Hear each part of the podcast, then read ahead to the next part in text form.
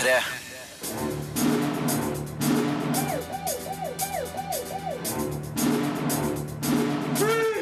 Filmpolitiet! What's your name, dude? Birger Vestmo.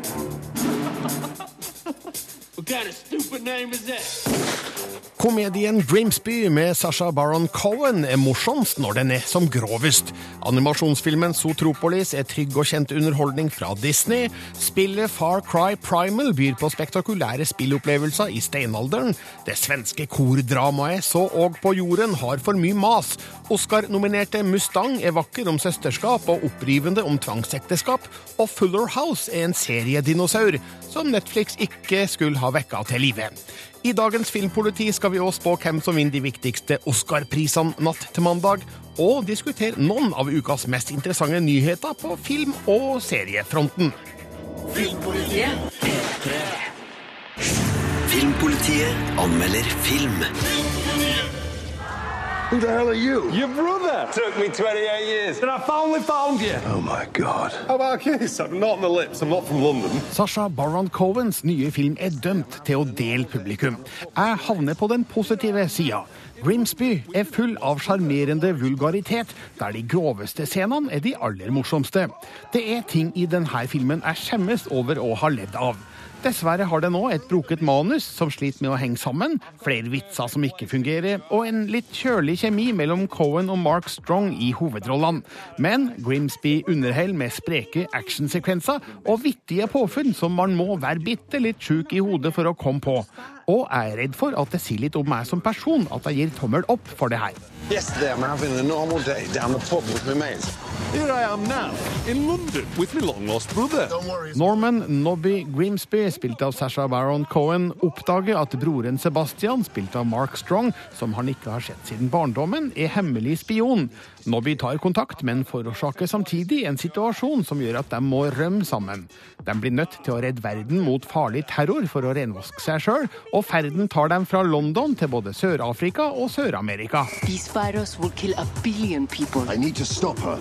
Sasha Baron Cohen er både en av manusforfatterne og produsentene, i tillegg til at han spiller den ene hovedrollen. Her spiller han på lag med Englands lavere arbeiderklasse, men gjør narr av dem på samme tid. Cohens humor har alltid sparka like mye nedover som oppover, og noen kan nok finne på å la seg støte av det. Her blir det kulturkrasj mellom trygda hooligans med store barnekull og fine, sofistikerte og verdenskriminelle mennesker. Hvem som kommer best, skråstrek verst ut av det, er neimen ikke godt å si.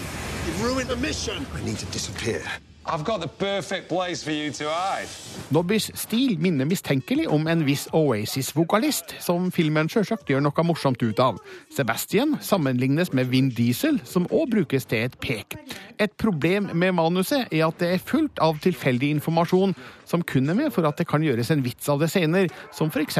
størrelsen på en elefants livmor eller Daniel Radcliffes tilstedeværelse, spilt av en look-alike. Men når payoffen er ekstrem smakløs humor, er det til å leve med. Congratulations, by the way. When you due? I'm not pregnant. I'm just fat. Regissør Louis Leterrier har laga mye strømlinjeforma action tidligere, som The Transporter, The Incredible Hulk og Now You See Me, og gir Grimsby en udiskutabel energi i hardtslående sekvenser med høyt tempo, bl.a. ved hjelp av rett på DVD-helten Scott Adkins. Litt mer overraskende er det at Leterrier òg filmer humoren med et visst hell. Den er riktignok av vekslende kvalitet, men når den er god, er den virkelig god. Grimsby er smakløs som bare det, men jeg hadde ikke forventa noe annet fra Sasha Baron Cohen. Kan man si at han har innfridd da? Oh no, she is gorgeous. You want room clean? From top to bottom. Terningkast fire. It's a wonderful night for Oscar, Oscar, Oscar? Ja da, det nærmer seg nå årets største fest for de som er interessert i film, glitter og glamour. Natt til mandag deles Oscar-prisene ut i Los Angeles, og som alltid er det jo spennende å spå hvem vinner de viktigste Oscar-prisene. Marte Hedenstad og Sigurd Vik er med meg her. Velkommen. Takk for det. takk for det. Vi gjetter jo riktig hvert eneste år. Ja, ja, Give or take a few. Så eh, her skal vi gå i gang og komme med fasiten, så vi er forberedt på hva som skjer natt til mandag. La oss starte på toppen med den gjeveste prisen, beste film. De nominerte der er The Big Short, Bridge of Spice, Brooklyn, Mad Max Fury Road, The Martian, The Revenant, Room og Spotlight. Og er det The Revenant som skal gi Alejandro Gonzales Inaritu en ny Oscar-triumf bare ett år etter den forrige? Altså, jeg føler at The Revenant kommer til å stikke av med seieren. Altså, den har alt det liksom akademiet elsker. Altså, det handler om en amerikansk helt. Det er basert på en sånn historie. Det handler om en fyr som lider seg gjennom eh, Ja. fysiske Og. Sigurd, du ga filmen terningkast seks, og det borger vel for en viss kvalitet? Jeg, jeg liker å tro det, at, eh, at det er noe der når den får terningkast eh, seks. Nei, jeg, jeg syns det er en fantastisk film. Det eneste som gjør at jeg er litt usikker på om den får det, er jo at det er jo andre veldig store saker på gang i The Revenant som eh, også er på, på prisjakt, nemlig en viss mannlig skuespiller, så det kan jo hende at filmen eh, Altså, den ligger jo veldig godt an i veldig mange kategorier, og spørsmålet er om den klarer storeslemmen eller ikke, men, eh, men absolutt en av de heteste kandidatene, og, og ikke en ufortjent vinner, spør du meg. Men er det sånn at Oscar-akademiets medlemmer tenker som oss, at ja, Inaritu han gjorde det jo så bra på Oscar i fjor, så nå, nå må noen andre få de viktige prisene her? Frykter det, men eh, som du, eh, som den eh, filmhistorikeren du var inne på, det har jo skjedd to ganger tidligere at uh, samme regissør har vunnet to år på rad, stemmer ikke det? Jo, det stemmer. Jeg husker ikke hvem nå. Nei, men uh, så, så det er jo ikke en historisk umulighet, det her. Nei. Og, og Injaritu Ja, det, jeg, jeg kommer ikke til å, å bli veldig sint hvis det skjer. Men hvis ikke det blir The Revenant som får Oscar for Best Picture, så da håper jeg virkelig på Mad Max Fury Road. Det hadde vært gøy! Men tror du det? Nei, jeg tror jo egentlig ikke det, fordi at det er jo en postapokalyptisk actionfilm, og det er en sjanger som ikke har gjort det særlig skarpt i Oscar-sammenheng tidligere, men nå må vi tenke på at den er faktisk nominert i ti kategorier her, og det er jo helt utrolig for en Ja, sånn det er helt utrolig. Var en sånn skikkelig sånn action-blockbuster å bli nominert på den måten. Det er jo helt utrolig bra. Men, men om den ikke vinner beste film, så kan det jo hende da at, eh, at eh, det blir beste regi. Ja, ja, for står det også her mellom Inaritu for eh, The Revenant og George Miller for Mad Max Fury Road? Det er i hvert fall to regissører som utmerker seg med særegenhet. Altså, De har ikke laga noen ordinære filmer, noen av dem. Og hvis ø, på en måte den der spissen og, og det, det estetisk slående blir en utslagsfaktor her, så, så er det jo to filmer som, som skiller seg veldig ut, i hvert fall. De andre er kanskje mer tradisjonelle. Det er flere flinke regissører i den kategorien. altså Adam McKay for The Big Short og Lenny Abrahamson for, eh, for Room. Eh, og vi må også ikke glemme eh, Spotlight, og nå fikk jeg jernteppe. Hvem- Tom McCarty. Tom McCarty, ja, selvfølgelig. Så alt er åpent der. Men vi, altså jeg personlig håper på George Miller. Da hadde jeg jubla høyt. Men eh, vel, vi får se natt til mandag. Én kategori til før vi mm, tar en liten pratepause, og det er foreign language film, som jo eh, er av interesse. Det er jo ingen norske det her i år, men eh, det er jo en dansken, nemlig Krigen. Den er veldig sterk. Tib Ulven fra, Jordan likeså. Mustang fra Frankrike skråstrek Tyrkia, som har premiere i dag og anmeldes senere i Filmpolitiet. Sterk film, og Embrace of the Serpent så jeg på TIFF i Tromsø, og det var en eh, besynderlig opplevelse. Veldig interessant, men Du har spart favoritten, du. jeg har spart favoritten til slutt, og det er ungarske Souls Sønn, som nylig hadde norgespremiere, og en ufattelig sterk film om um, eh, jødeutryddelse under andre verdenskrig i en konsentrasjonsleir. Og um, det beste jeg så i hele fjor, for jeg så den på Cannes-festivalen.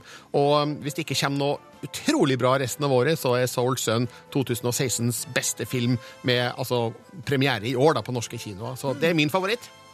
Der har vi våre spådommer for noen av kategoriene. Vi skal komme tilbake til skuespillere snart.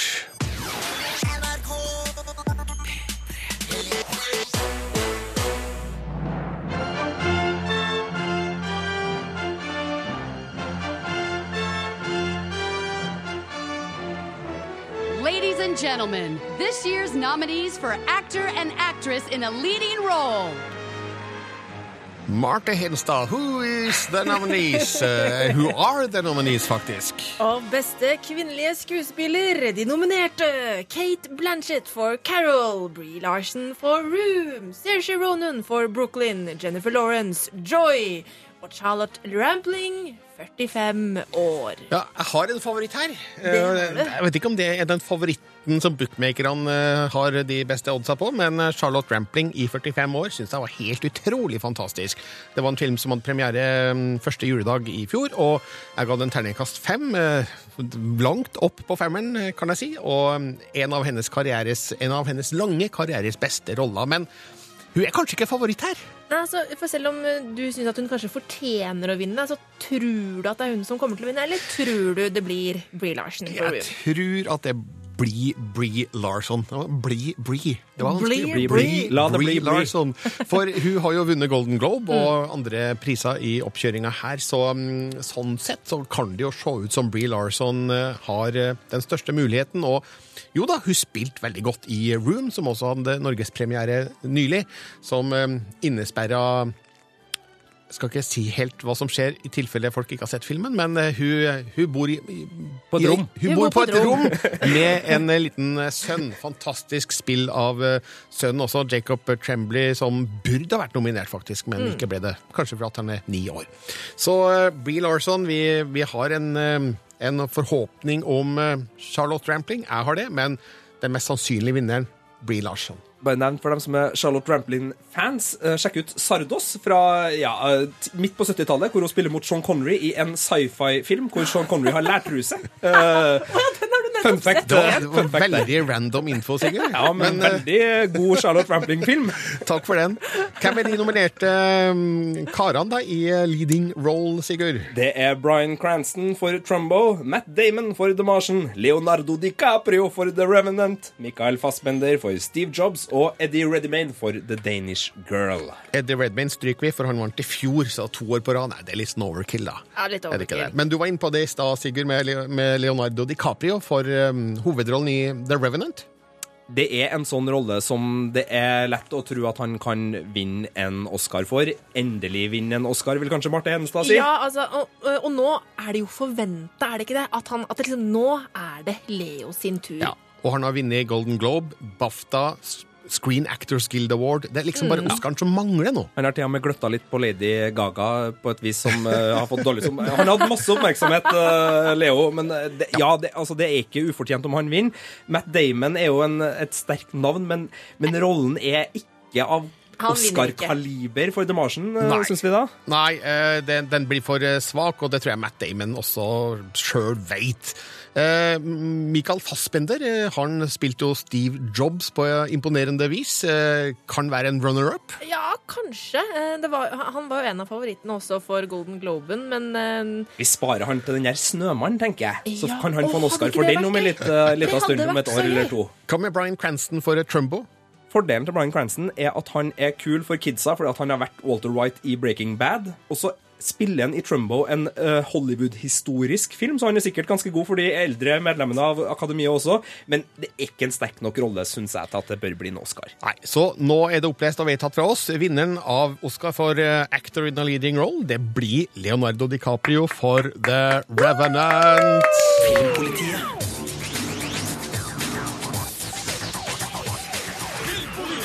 Filmpolitiet anmelder film. ZPD's first rabbit officer, Judy Hopps. Ready to make the world a better place?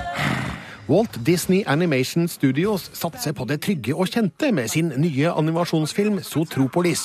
Her handler det for n-te gang om en søt dyrefigur som forsøker å leve ut drømmen sin mot all odds. Filmen scorer ikke mange poeng på originalitet og nytenkning, men er godt animert, regissert og dubba. Sjøl en middels Disney-film er som regel av helt grei kvalitet. Også Tropolis underholder både barn og foreldrene deres på en tilfredsstillende måte. Sir, I'm not just some token bunny. You strike out, you resign. Deal. Kaninen Judy Hopps drømmer om å bli den første politikaninen i Sotropolis, en by der rovdyr og byttedyr lever sammen i fred og harmoni. Når hun mot alles forventninger faktisk klarer det, møter hun motstand fra sin nye sjef. Men når sjansen byr seg, inngår Judy et samarbeid med gatereven Nick Wilde for å etterforske flere forsvinninger i Sotropolis. De skal oppdage at freden mellom rovdyr og byttedyr står i fare pga. en konspirasjon som fører dem inn i byens maktelite. Here to ask you some questions about a case. Then they should have gotten a real cop to solve it. You are under arrest. For what? Hurting of feelings? You are a key witness. No, he is. Filmen har rom for mye enkel humor og spenning på barns premisser. Den tar òg opp problemstillinga knytta til forutinntatte holdninger. Historien har klare paralleller til vår tids fremmedfrykt. Men ellers er det få voksne undertoner å finne i Sotropolis. Det er lekende lett å forutsi hovedtrekkene i historien, nettopp fordi det her er en type film man har sett mange ganger før.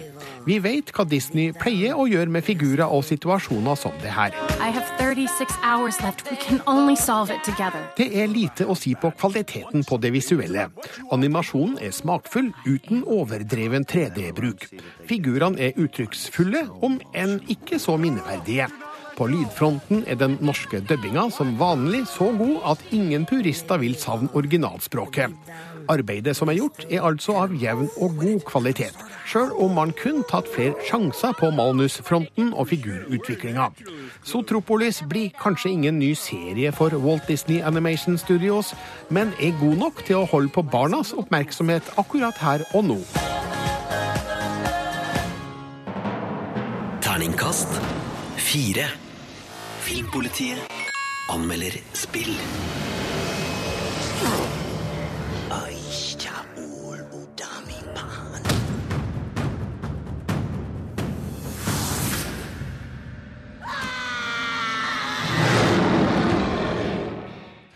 Det nyeste spillet i Far Cry-serien kom ut denne uka til Xbox One og PlayStation 4. Far Cry Primal tar oss med tilbake til steinalderen, en helt ny setting for eh, serien. Marte Hedenstad, du har spilt Far Cry Primal, og funker det å legge maskingevær og granater på hylla til fordel for klubbe og spyd? Ja, vet du hva? Det funker kjempebra, overraskende nok. Man skulle kanskje tro at det ville bli litt kjedelig, eh, men det er det absolutt ikke. Um, Og det som er litt sånn ekstra gøy med Far Cry Primal, det er at i tillegg til disse våpnene, så kan du også bruke dyr som våpen. For du kan temme ville dyr eh, som du kan bruke i kamp, og det er skikkelig tøft. Ja. Spillet kommer til Xbox One og PlayStation 4 og PC. eh, Så nå har Ubisoft lagt, lagt den, den forrige konsollgenerasjonen Mm. bak seg. Og hvordan gjør det seg utslag i eh, Far Cry Primal? Altså, Det syns skikkelig godt, for at det spillet her, det er altså så pent. Eh, Det er så utrolig mye flotte detaljer her. Altså, Bare du går rundt, og så liksom ser du liksom sånn sivet og sånn duer i vinden. eh, Og bare pelsen på f.eks. ulven du kan temme, som når du klapper den. så Det, det ser veldig realistisk ut. Eh, Og så er eh, figuranimasjonene, altså bevegelsene, er veldig godt utført. Så det ser spektakulært ut, virkelig. Spillverden i Far Cry-serien altså, den pleier å være svære. Altså, Ja. Hvordan er den åpne spillverdenen i, i Far Cry Prime? Altså Fortsatt dritsvær. eh, Og i tradisjonen med serien så er det jo da liksom kartet pepra med masse masse oppdrag. Eh, og det er liksom snakk om å drepe dyr og utslette den rivaliserende, de rivaliserende stammene. Eh, det som er problemet med spillet, er at eh, det er masse masse oppdrag her, men det er ingen historie som driver deg videre på en god nok måte. Eh, du, du har veldig få sånne historieoppdrag. eh, og rollefigurene som på en måte gir deg disse historieoppdragene, og ja, det, det fungerer ikke så veldig bra. Eh, og det er veldig mange som sier sånn at ja, men det her er et sandkassespill, eh, du trenger ikke noe historie, men jeg sier ja takk, begge deler. Det må være mulig å kunne lage en åpen spillverden du kan boltre deg i, samtidig som du har rollefigurer du er interessert i å bli bedre kjent med. Eh, hovedfiguren som du spiller, heter Takkar. Han er en veldig anonym fyr som du egentlig ikke bryr deg så veldig mye om. eh, Og fiendene i spillet er egentlig bare sånne folk som Ja, ja, du må utslette dem, men du bryr deg egentlig ikke så veldig mye om hvorfor. Så fantastisk utseende, morsom gameplay, litt kjedelig historie, og Mm. dermed gir Marte Hedenstad Far Cry Primal Terningkast fire. Filmpolitiet anmelder film. Lena, kom til kyrka. Jo, jo, kom. Om du var der og sjöng, så skulle folk komme. Kom og ta hand om musikken i kyrka. Tolv år etter suksessfilmen Så som i himmelen kommer oppfølgeren, som sjølsagt heter Så og på jorden. Igjen er den svenske landsbygda åsted for kjærlighet og intriger med korsang. Regissør Kai Pollak er inne på noe interessant her, der skildringen av kampen mot bygdedyret har potensial til meddrivende dramatikk. Dessverre har filmen litt for mange figurer, litt for mange konflikter og et altfor høyt støynivå. Så òg på jorden prøver for hardt å skape engasjement og blir i stedet litt frustrerende. Men bare for at du kan stå og skråle framfor masse halvfulle bønder på dansbanorna så skal du ikke tro at du kan platsa en kyrka. Handlinga utspiller seg ni måneder etter avslutninga i den første filmen, eh, som er et sjansespill, siden alle skuespillerne er tolv år eldre. Men dersom man ikke har sett eneren nylig, vil man ikke tenke mye over det. Lena, spilt av Frida Hallberg, føder barnet hun ble gravid med, sammen med dirigenten Daniel Dareus, som døde så tragisk. Så skal en nyoppussa kirke gjenåpnes med TV-sendt gudstjeneste og fremføring av Hendels Messias, med profesjonell dirigent, kor og orkester. Men i samråd med presten Stig, spilt av Niklas Falk, bestemmer Lena seg for å lage sin egen Messias og sette i gang et prosjekt som har både tilhengere og motstandere i bygda. Det er åtte personer inne, inklusive Jesus på korset. Hvordan har dere tenkt å få ihop folk til dette? Det er jo flere stemmer i Händels halleluja enn vad det finnes folk i byen. Allerede i starten blir vi utsatt for en lang, masende og utmattende fødesekvens, der regissør Pollack bruker så mye energi at det rett og slett blir for mye. Det blir bedre senere, men masinga gjentar seg gang på gang. Filmens figurer virker å ha én av to modus operandi. Enten er de fromme som lam, eller så er de brølende og skrikende sinnatagger. Aggressiviteten virker overdreven, og figurene mangler nyanser. De er enten veldig på eller veldig av. Det er nesten utrolig at enkelte av skuespillerne har greid å bevare stemmene sine gjennom hele innspillinga. Lene har sittet i kassa på ICA i 16 år. Hun kjenner hver eneste kåte på 10 mils avstånd. ja. kusiner. Ja, och så enda kvalifikasjonen for å være med her er at man har handla mjølk på ICA. Men du holde kjeften?! Dramatikken tilspisser seg i løpet av filmen med en mulig kjærlighetshistorie mellom Lena og Aksel, spilt av Jakob Oftebro, et umotivert og unødvendig dødsfall og en kirkekamp der alle motstanderne håndhever janteloven nærmest religiøst. Tilhengere av den første filmen vil riktignok få kjærkomne gjensyn, ikke bare med Lena og Stig, men òg med annet Arne, spilt av Lennart Jekel, Siv, spilt av Ylva Løf, og Tore, spilt av André Sjøberg. Jeg mener likevel at historien er for kynisk i hvordan den skildrer bygdefolk som trangsynte og mannevonde dobbeltmoralister for dramatisk effekt. Litt mindre er av og til mer, og så òg på jorden kun absolutt hatt godt av litt mindre rop og litt mer ro. Terningkast tre. Filmpolitiets redaksjon er fulltallig i studio, og det betyr at jeg har fått med meg Sigurd Vik og Marte Hedenstad. Hallais. Howdy ho. Og så skal det handle om to ting vi er veldig glad i, nemlig Marvel og Netflix. For den komboen har funka før, Sigurd. Absolutt. Uh, Jessica Jones var veldig god. Det var også Daredevil, som er de to seriene vi har sett så langt. Og nå er det klart for enda et eh, samarbeid, og hva er det, Marte? Det er nemlig Altså, eh, det er jo fire Marvel-serier som kommer på Netflix. Den tredje er Luke Cage, og den fjerde er Iron Fist. Og nå er det klart at Finn Jones, kjent som Lauros Tyrell i Game of Thrones, skal spille Iron Fist, eller Daniel Rand, da, som han heter eh, egentlig. Eh, og det er jo veldig spennende. Eh, vi- dere husker jo eh, Lauros Tyrell, sant? Det er den homofile broren til, Yes, uh, til Marjorie. Marjorie Ja. Tyrell. Ja. Så det blir spennende. Og så blir det jo litt interessant å se eh, hva Altså, gjør, Hvordan blir timeplanen her? Hvordan, altså, hvordan, hva betyr dette for Game of Thrones videre? Du er spent på det. Jeg er mest Ja. spent på hvordan Iron Fist skal se ut. Der, fordi han har jo en knyttneve som eh, blir til Iron. det blir- Eh, den blir litt sånn à la. Street Fighter 2. Hvor de sier altså, hvordan skal det her løses? Ja, eh, ja, på den? det- For de har jo en litt sånn nedpå-stil, Marvel, på, Ja. nei, det, Netflix på, på Marvel-serien. Så, Ja. så jeg gleder meg. Tror ikke det blir digitalt animert neve, altså. Jeg tror det kan bli digitalt animert neve. Det blir spennende å se. Eh, Finn Jones, eh, altså kjent eh, fra Game of Thrones, og vi må innom eh, Game of Thrones, Marte, fordi du er så stor fan at når det kommer en nyhet om Game of Thrones, så ja, det, vi slenger jeg meg på med en gang. Og det, det som egentlig er den mest spennende Thrones-nyheten denne uka her, det er jo det at George R. R. Martin har gått ut og sagt at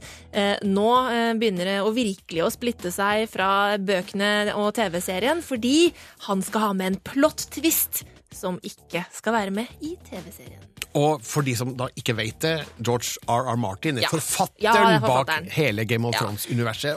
Men hva var det du sa nå? En plot-twist i den neste Yes, boka? ja, som fordi- ikke er med i serien? Ja, fordi at han skal nemlig ha med en plot-twist eh, som involverer en rollefigur som er død i TV-serien. For det er jo helt utrolig å tenke på, men, men eh, DB Wise og David Benioff de er faktisk enda mer blodige enn eh, Game George George Martin Nå, nå snakker du om serieskaperne, ikke Yes, sant? De har drept flere enn George R. R. Martin har, faktisk. Jeg vet ikke hvem som fortjener denne tittelen, men én av disse leirene består av en skikkelig nisse. Altså Enten så er serieskaperne noen skikkelige nisser, eller så er George R.R. Martin en stornisse. Altså, det, hvorfor skal det være to forskjellige stories, liksom? Ja, men det blir jo veldig spennende. Nå blir det jo sånn to parallelle universer her ved siden av hverandre. Mm, og det som er litt eh, gøy, da, er at eh, for, personlig som bokfan, så har jeg vært litt stressa for at å nei, nå kommer TV-serien til å spoile bøkene for meg. Men nå vil det kanskje ikke bli sånn likevel. Da. Jeg vil få to spennende historier parallelt med hverandre. Mikke Innviklet. vil ha mer, og fanden vil ha flere. Pokker ta, altså.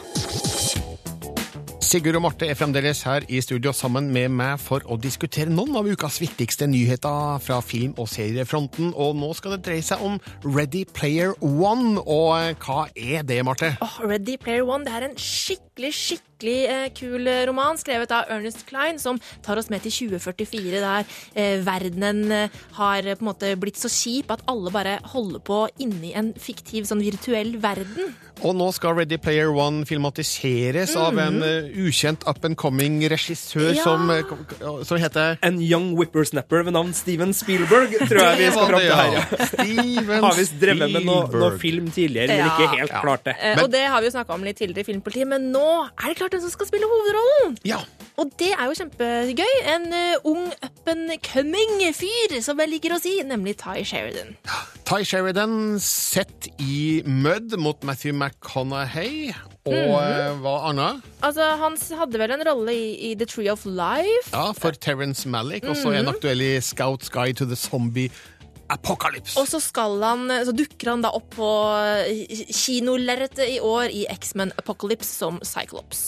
Jeg vil si uh, ser litt ut som en ung Adam Driver uh, i ansiktet, men mangler selvfølgelig sånn ca. 1,80 på sokkelesten for å, å matche ellers. Men uh, har et veldig sånn karikari, utseende. Ja, jeg skjønte hva du mente. Eh, Men eh, du som er fan av boka, Marte, altså, ser du for deg Ty Sheridan i den, den rollen? Ja, det, han, eh, altså jeg syns han da må legge på seg litt. Fordi at han er litt sånn litt tjukk og ute av form, han som har hovedrollen i boka. Men i denne virtuelle verdenen så er han jo superbuff og fit. Så det blir jo litt sånn Hvordan skal dette bli? Nei, det blir fatsuit, da. Og så tar han av seg dem når han skal spille inn de andre scenene. Noe sånt.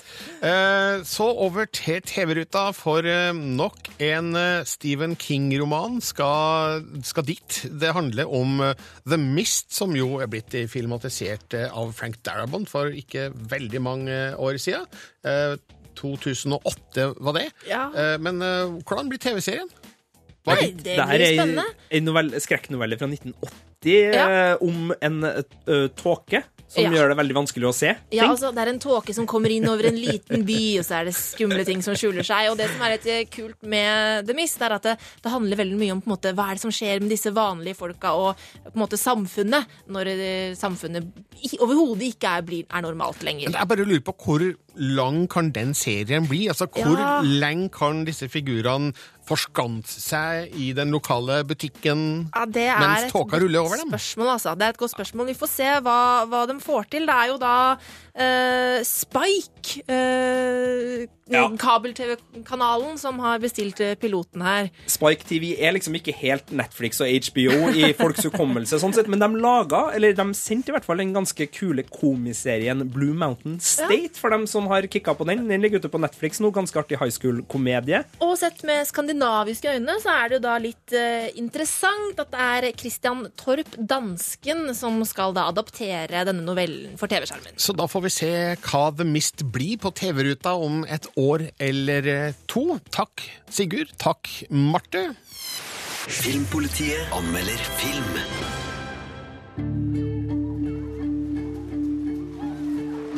Her şey göze açıp kapayana kadar değişti. Önce rahatlık. Ve birden her şey boka sardı. Mustang er en varm og vakker film om søsterskap.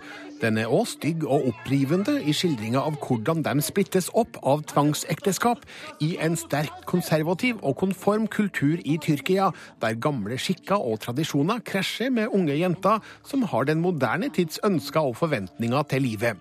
Det her er en fortreffelig film med solid skuespill av unge mennesker, god regi av Denise Gamse Erguven og en sterk historie som berører og engasjerer. Herkesin sürtünmüşsünüz. Fem søstre blir sett mens de leker med gutta på stranda. Det her lukter skandale for bestemora og onkelen, som er deres foresatte. Søstrene blir stengt inn i huset, får ikke gå på skolen, blir opplært til å bli fromme koner, og de eldste tvangsgiftes bort. Men de yngste er ikke like interesserte i å la seg styre av gamle skikker, og legger en plan som kan bli farlig å sette ut i livet. Det er oppløftende å oppleve de her unge, sterke jenteskikkelsene. Søsterskapet skildres godt, med tillitsfull interaksjon som gjør opplevelsen troverdig. De unge skuespillerne Gynes Sensoy, Doga Zeynep Doguslu, Tugba Sunguroglu, Elit Iskan og Ilaida Aktogan er overraskende gode og naturlige. Bestemora spilles av Nihal Koldas, som lykkes i å formidle figurens dobbeltbunn. På den ene sida er hun oppriktig glad i sine barnebarn, men hun er òg bundet av religion og tradisjon, som svekker hennes dømmekraft i våre vestlige øyne. Onkelen Errol, spilt av Ayberk Pekkan, er bare en trangsynt patriark som bruker religion og tradisjon for å kue familiens kvinner, noe han kan i en kultur der alt er tilrettelagt for det. Man blir oppriktig engasjert og berørt av denne historien, som regissør Denise Gamse Erguven har skrevet sammen med Alice Winokor. Man ser at denne strenge, konservative kulturen er i en brytningstid, der unge krefter på sikt vil gjøre opprør og fjerne seg fra eldre generasjoners livssyn og levemåte. Det er en interessant tematikk i en velspilt film med nyanserte figurer, nydelig foto og sikker regi. Terningkast fem. Filmpolitiet På P3. I dag har Netflix premiere på Fuller House, en spin-off fra den populære og joviale familiekomedien Full House, som gikk på norske TV-skjermer på 90-tallet med tittelen Under samme tak. Kjent for å være starten på karrieren til tvillingene Ashley og Mary-Kate Olsen. De er ikke med i denne runden, men resten av gjengen er samla. Sigurd Vik har sett og bedømt de tre første episodene av Fuller House. Filmpolitiet anmelder TV-serie. Isn't this crazy? I wound up living back in my old bedroom. Jeg har aldri opplevd maken til et så anstrengt nostalgiforsøk som i Fuller House. Dette er ikke en serie som vil leve i 2016. Dette er en selvforherligende gjenforeningsfest som har blitt dratt altfor langt. Det eneste nye vi serveres, er metahumor om at Olsen-tvillingene ikke vil være med på seriecomebacket. Ellers er vitsene så utdatert og figurene så karikert at selv skuespillerne sliter med å holde maska. Og mengden referanser til Full House i innledninga er faktisk så massiv at handlinga i Fuller House overdøves fullstendig. Have mercy. No. How rude. Cut it out! Full House gikk på skjermen i USA mellom 1987 og 1995 og var godt ettermiddagsselskap for norsk ungdom utover på 90-tallet. Familievennlig og søtt, men også litt relevant og friskt, da serien tok inn over seg et dødsfall på mor, og hvordan tre menn skulle klare å oppdra tre døtre. Så 29 år senere har historien gjentatt seg. Eldstedatter DJ har akkurat mista sin mann og har tre små barn hun må oppdra alene. Men akkurat som sin far så får hun hjelp av familie og venner da søster Stephanie og nabo Kimmy Gibbler flytter inn. Kimmy, you do not need to do this. I agree with DJ. You do not need to do this. Sjøl om serien nok vil gi gjensynsglede og litt latter til Full House-fansen, så er det her en bleik kopi. Manuset er tynt oppkokt på gammel spiker, og barnestjerner blir ikke nødvendigvis gode skuespillere. De tre nye hovedrollene holder ikke nivået til Saget, Stamos og Collier som utrente småbarnsforeldre. Steve so in love with DJ, he didn't even notice the sandwich. Three, two, one. Hey, is anybody using that sandwich? Fuller House prøver også å skape litt wow-faktor med noen gjestestjerner. Det grøssa nedover ryggen min da sangerinne Macy Gray, som har en omfattende og tafatt gjesteopptreden i episode tre, roper til publikum at hun har et album til salgs. Men en sånn brautende produktplassering er kanskje beskrivende for en serie som verbalforklarer alt som skjer i handlinga, og hvor John Stamos må fortelle oss at skuespillerne fremdeles er vakre mennesker. Damn, we all still look. Fuller House prøver å gjenopplive 80-tallets kjernesunne familieserie, med ledende publikumslatter og korte punchline-fylte dialoger. Det er et forslitt serieformat, og når serieskaper Jeff Franklin ikke har mer enn sjølplagiat og utdatert humor å komme med, så blir det her et trist forsøk på å gjenopplive gammel hjertevarme. Talk to the hand, loser. Oh, snap. You go, girl. I think I just did. Hollywood har lært oss at det sjeldent er lurt å tukle med DNA-et til utdødde raser. Denne seriedinosauren burde aldri vært vekka til liv. Do you have reservations? Yes, I feel like I should be at home with my kids. Terningkast to. Den siste James Bond-filmen Spekter er nå ut på Blu-ray, DVD og for digital strømming, og derfor får du et gjenhør med hva jeg syntes om Spekter ved kinopremieren. Filmpolitiet anmelder film.